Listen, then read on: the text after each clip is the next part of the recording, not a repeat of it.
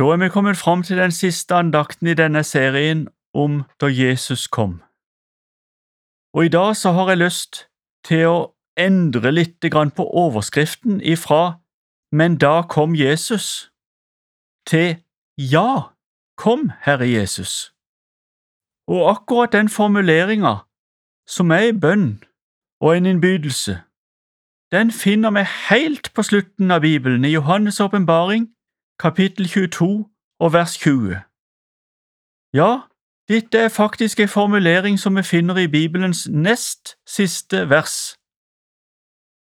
Og sånn sett så er det en oppsummering av hva Bibelen dreier seg om, om Jesus som kom, og om Jesus som kommer igjen, og om livets viktigste spørsmål, hvordan du og jeg stiller oss til det faktum at Jesus kommer igjen. Ja, kom, Herre Jesus, står der. Og dette er jo ei bønn og en bekreftelse som mange av oss kan kjenne oss igjen i. Og mange har et minne om en spesiell dag eller en spesiell situasjon da Jesus kom inn i livet. Da skjedde det en kursendring og en total forandring. Og på en eller annen måte så var det eneste som jeg sjøl kunne bidra med, det var ei bønn. Ja, Jesus, du må komme inn i livet mitt. Kom, Herre Jesus. Jeg vil så gjerne få si til deg som lytter, at det er en åpen mulighet for deg i dag til å invitere Jesus inn i livet ditt og det er mye enklere enn vi mennesker tror. Men sjelefienden, som vi alle har, han ønsker å overbevise oss om at det er så vanskelig, og at det ikke kan nytte.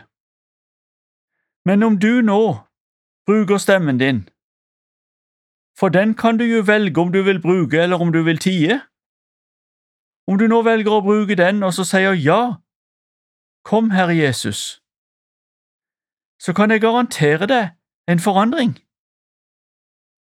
Ingen sier den setninga mener det uten at det fører til forandring.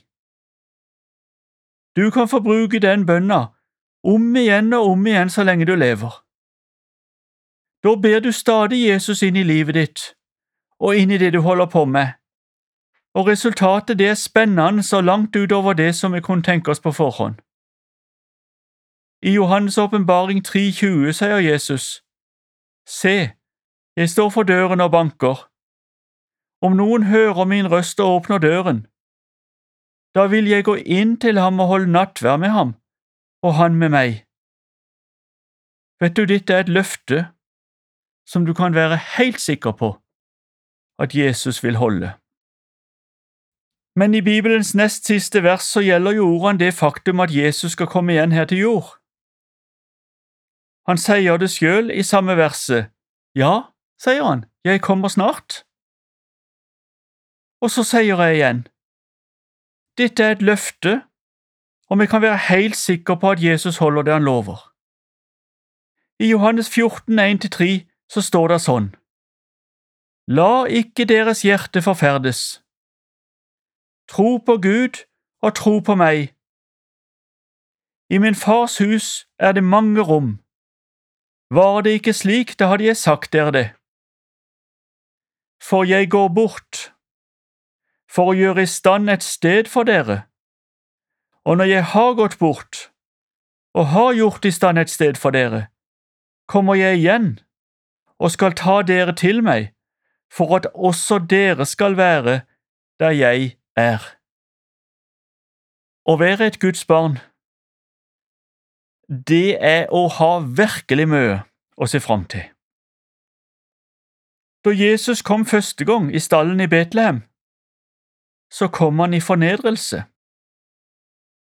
Og det var ut ifra de ytre forutsetningene slettest ikke så lett, nei, det var helt umulig, å se at han var Guds sønn, at han var konge, at han var herre, og verre skulle det bli, hadde jeg mest sagt. Helt til han ble henretta på den mest bestialske måte, gjennomført av hedninger.